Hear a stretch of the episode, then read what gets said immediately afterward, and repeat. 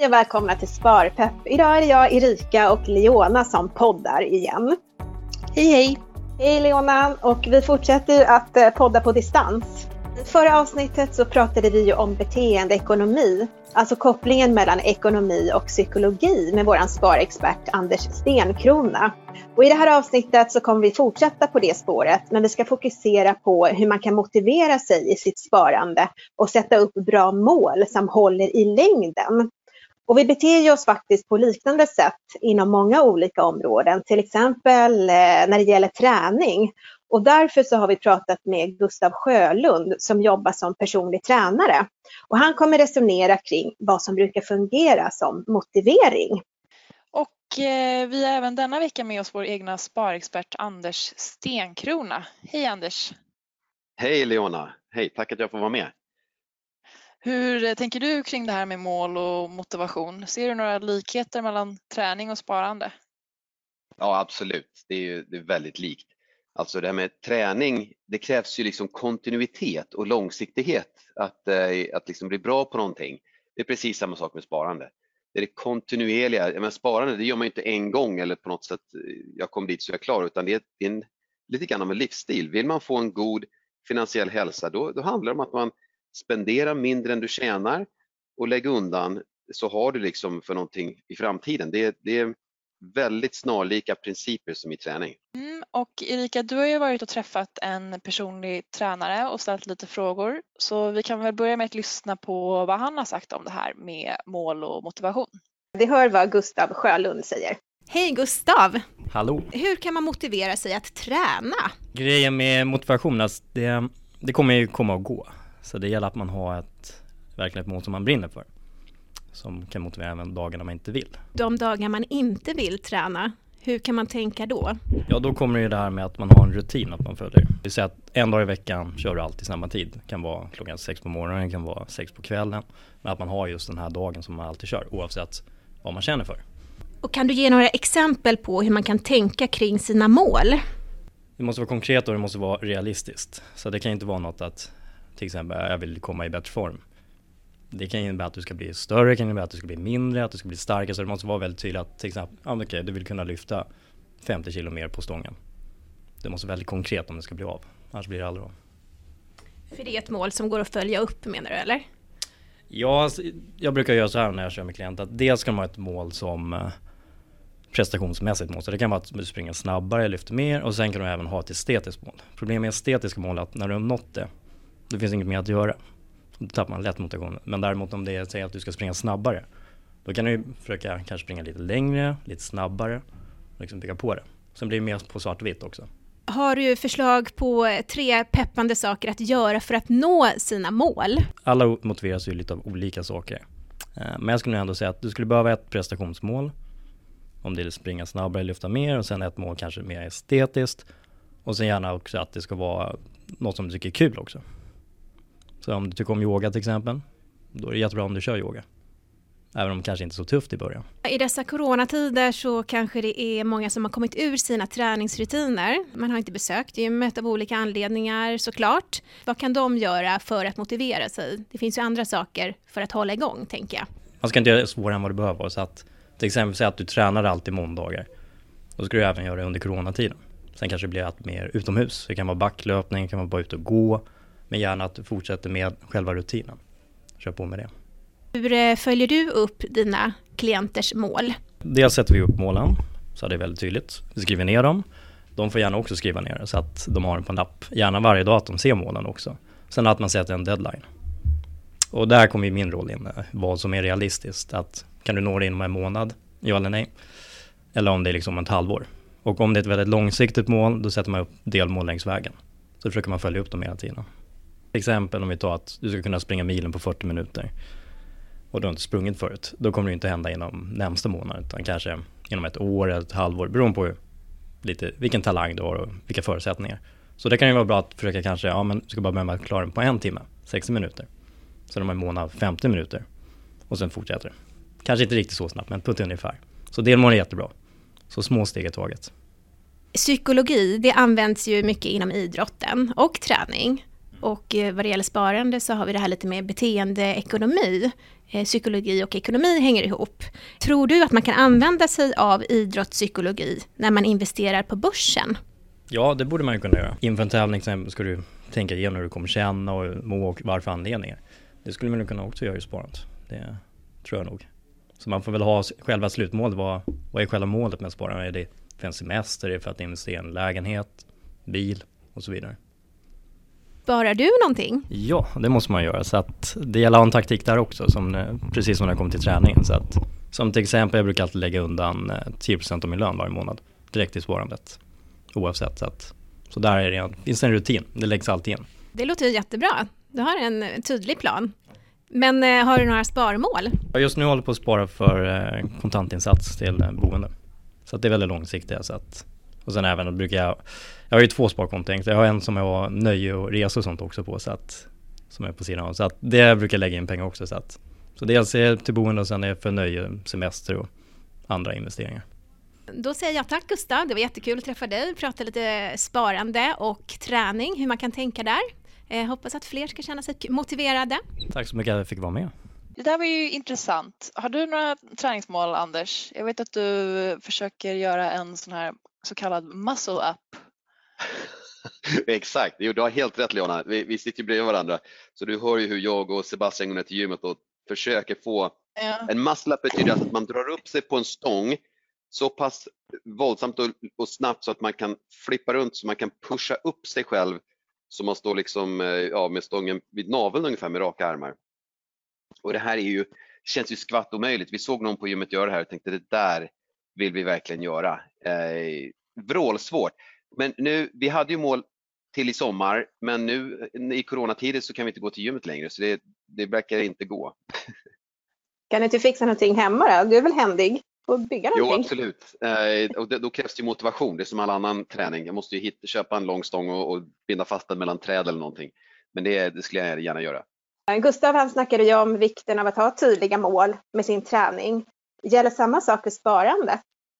Absolut, och det jag upptäcker precis i talande stund är att det krävs förutsättningar. Du måste kunna träna, ha grejerna när du tränar. Samma sak när du sparar.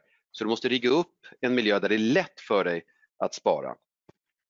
Men eh, när det gäller träning så, alltså det jag upptäckt där, eller, eller när det gäller mål, när det gäller träning och sparande, är att man kan spara utan mål. Det går absolut. Och det är, det är väldigt hälsosamt att bara stoppa undan 10% av din lön och bara låta det växa.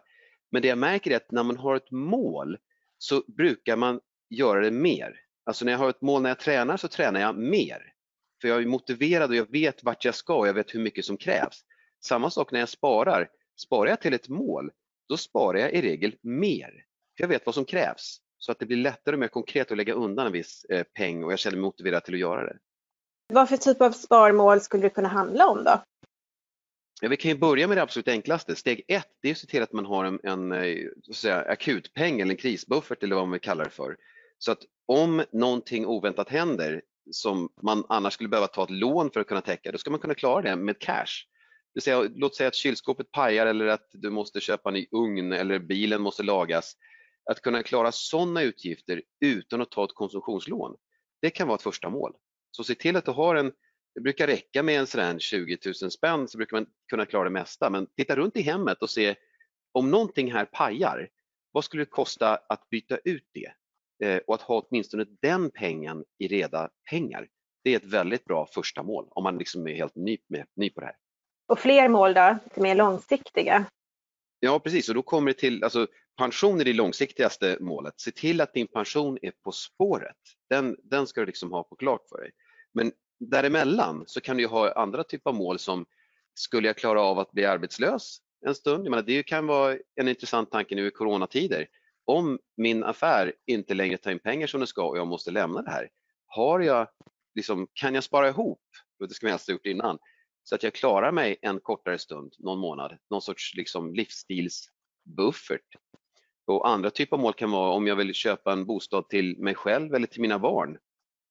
Lägga upp en långsiktig plan som är liksom inte så långsiktig som en pension men som ändå har en viss tid på sig för då kan man verkligen få den här ränta på ränta-effekten på sin sida, man kan få lite tillväxt inom fond eh, och så vidare. Så de, eh, någon typ av konkret mål som ligger i en hyfsat lång framtid, fem år sådär, det är en väldigt spännande sak att spara till. Men om man inte har något så här konkret mål, om man inte vet vad det är man ska spara inför, kan man ändå motivera sig att lägga undan en viss summa varje Absolut. månad? Eller hur ska man det är- tänka då? Nej, men jag tycker det är helt rätt Leona och det är, det är inte alltid man vet, liksom, det kan vara ett jobb i sig och bara mål, måste jag ha ett mål innan jag börjar spara? Nej, det måste Mm. du inte. Och det är i viss mån det som gör det lättare att spara än att träna. Eh, rigga upp det bara så att du lär dig att spendera mindre än du tjänar. Det är extremt hälsosamt eh, av två skäl. Ett är att du bygger upp pengar. Du bygger upp en stor hög med pengar och det kan vara motiverande i sig och så plötsligt du kommer finna en anledning till att använda det. Så är det bara. Eh, så att det är bra att göra.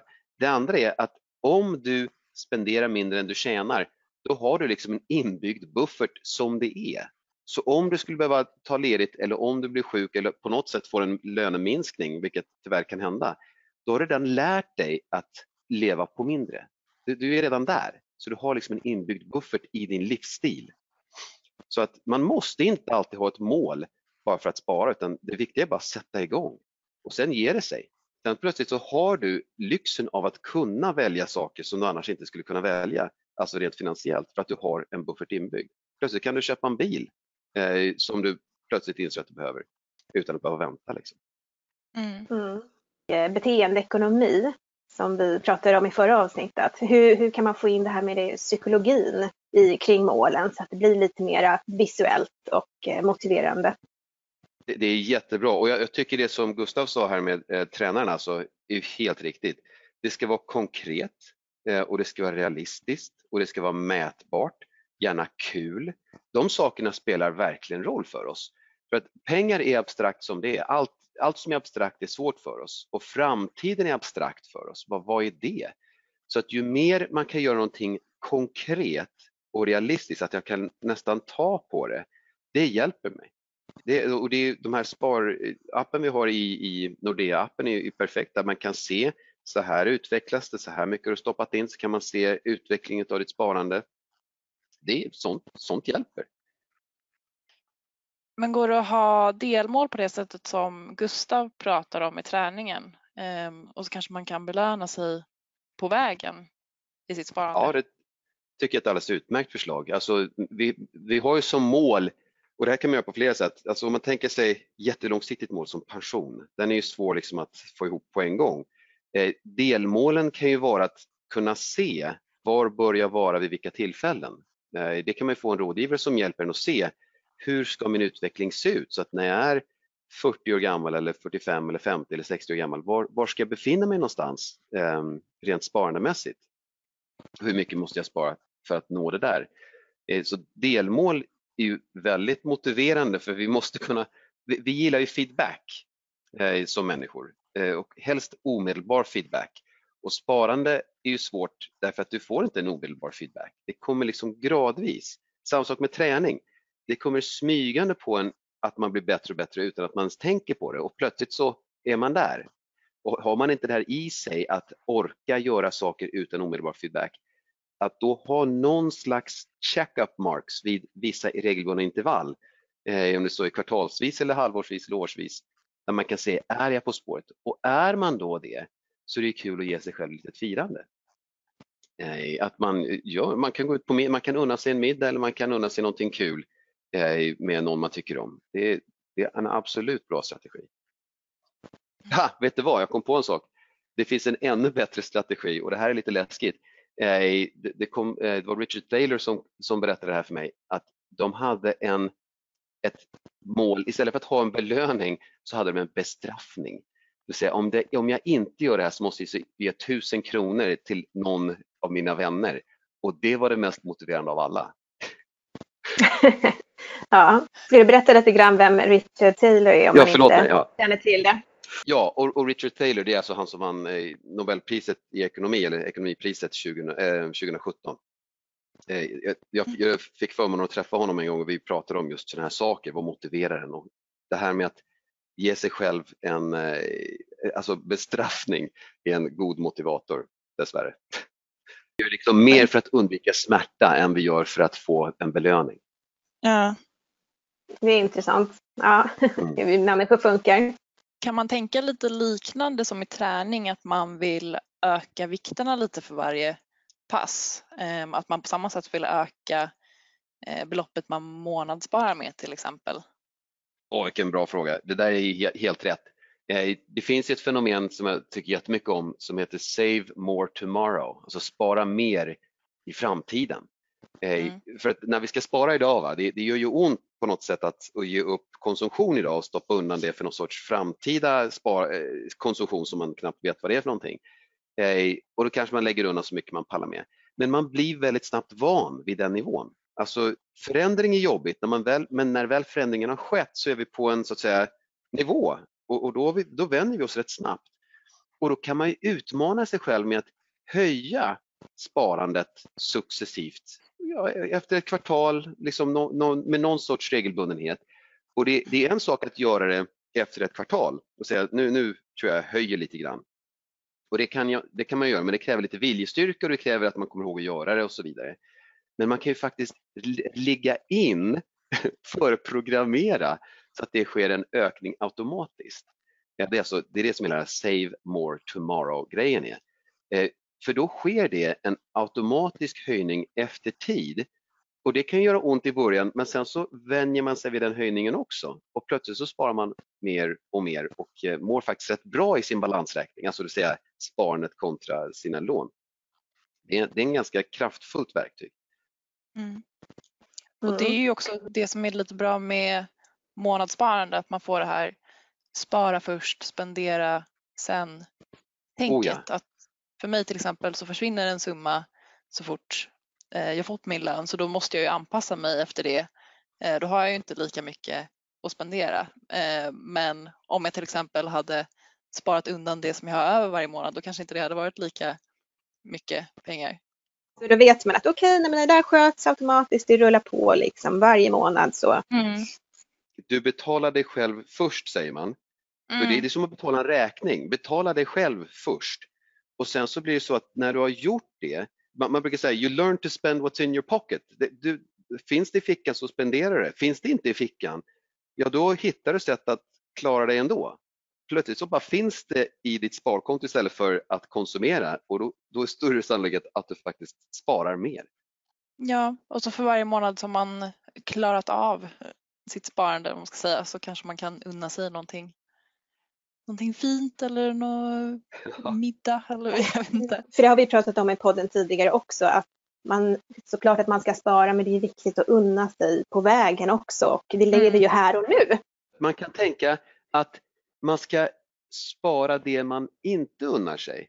Alltså man, man, man kan ju säga så här att det är inte bara det du gör som gör dig förmögen utan det är det du inte gör, det vill säga det du är mm. villig att ge upp som gör att mm. du får det där lilla extra. Och, då, och då, det finns ju en rolig liksom så här, anekdot där någon säger så här, Åh, säger till någon rökare så här, om, om du vet om du hade låtit bli att röka och haft råd med en Ferrari nu. Så sitter den som röker och säger till ja men vad är din Ferrari då? den som inte rökte sparar ju inte pengarna den inte rökte upp.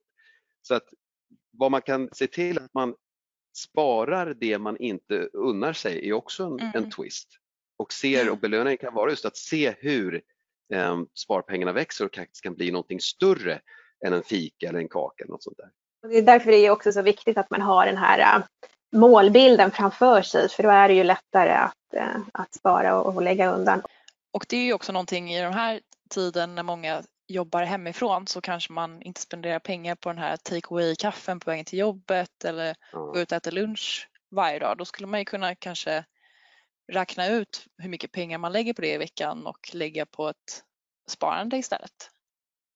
Ja, alltså, är man så smart så är det fantastiskt, då har man verkligen lyckats. Eh, ja. Men en, en, enkel grej man kan göra som, är, som faktiskt man kan programmera in, det är att varje gång man köper den här take away-kaffet eller vad det nu är, någon viss typ av konsumtion, så kan man programmera in så att det sparas 10-50 spänn för varje liten grej man köper. Eh, mm. Och då ger man sig själv en liten bestraffning varje gång man ska konsumera någonting. Men gör man det tillräckligt mycket så plötsligt så har man ett ganska stort sparbelopp bara av farten. För att det kallas mikrospar. Så det är, en funktion som finns i appen, liksom, i, i Nordea-appen. Det är en, det är en smart mm. grej som man kan liksom, få in sparandet i sin regelbundna dagliga rutin. Mm.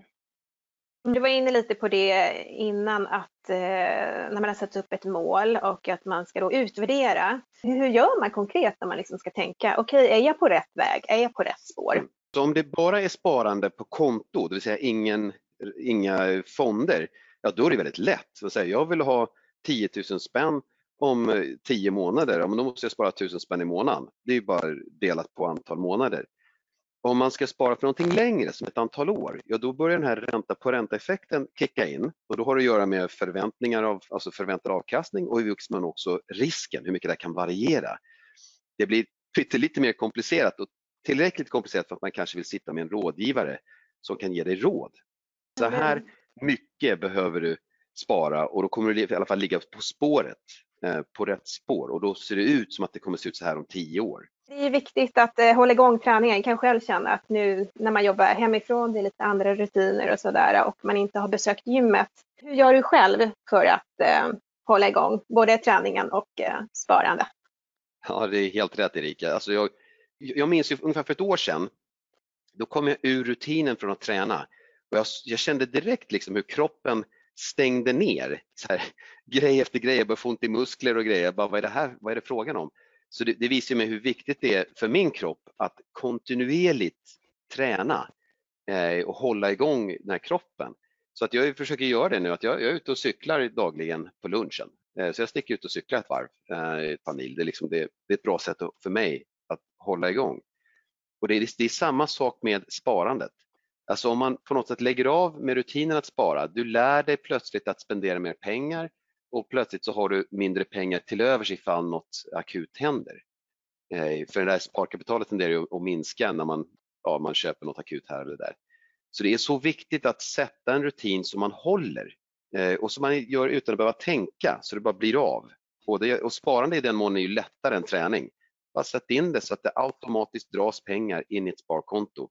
Eh, du kommer må så mycket bättre finansiellt utav det, precis som med träningen. Ja, men tack Anders för att du var med. Tack så mycket.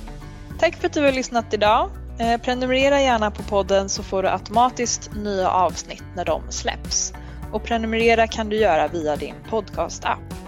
Har du några frågor eller förslag på intressanta gäster och teman så går det bra att mejla till sparpepp.nordea.se. Och vi hörs om två veckor.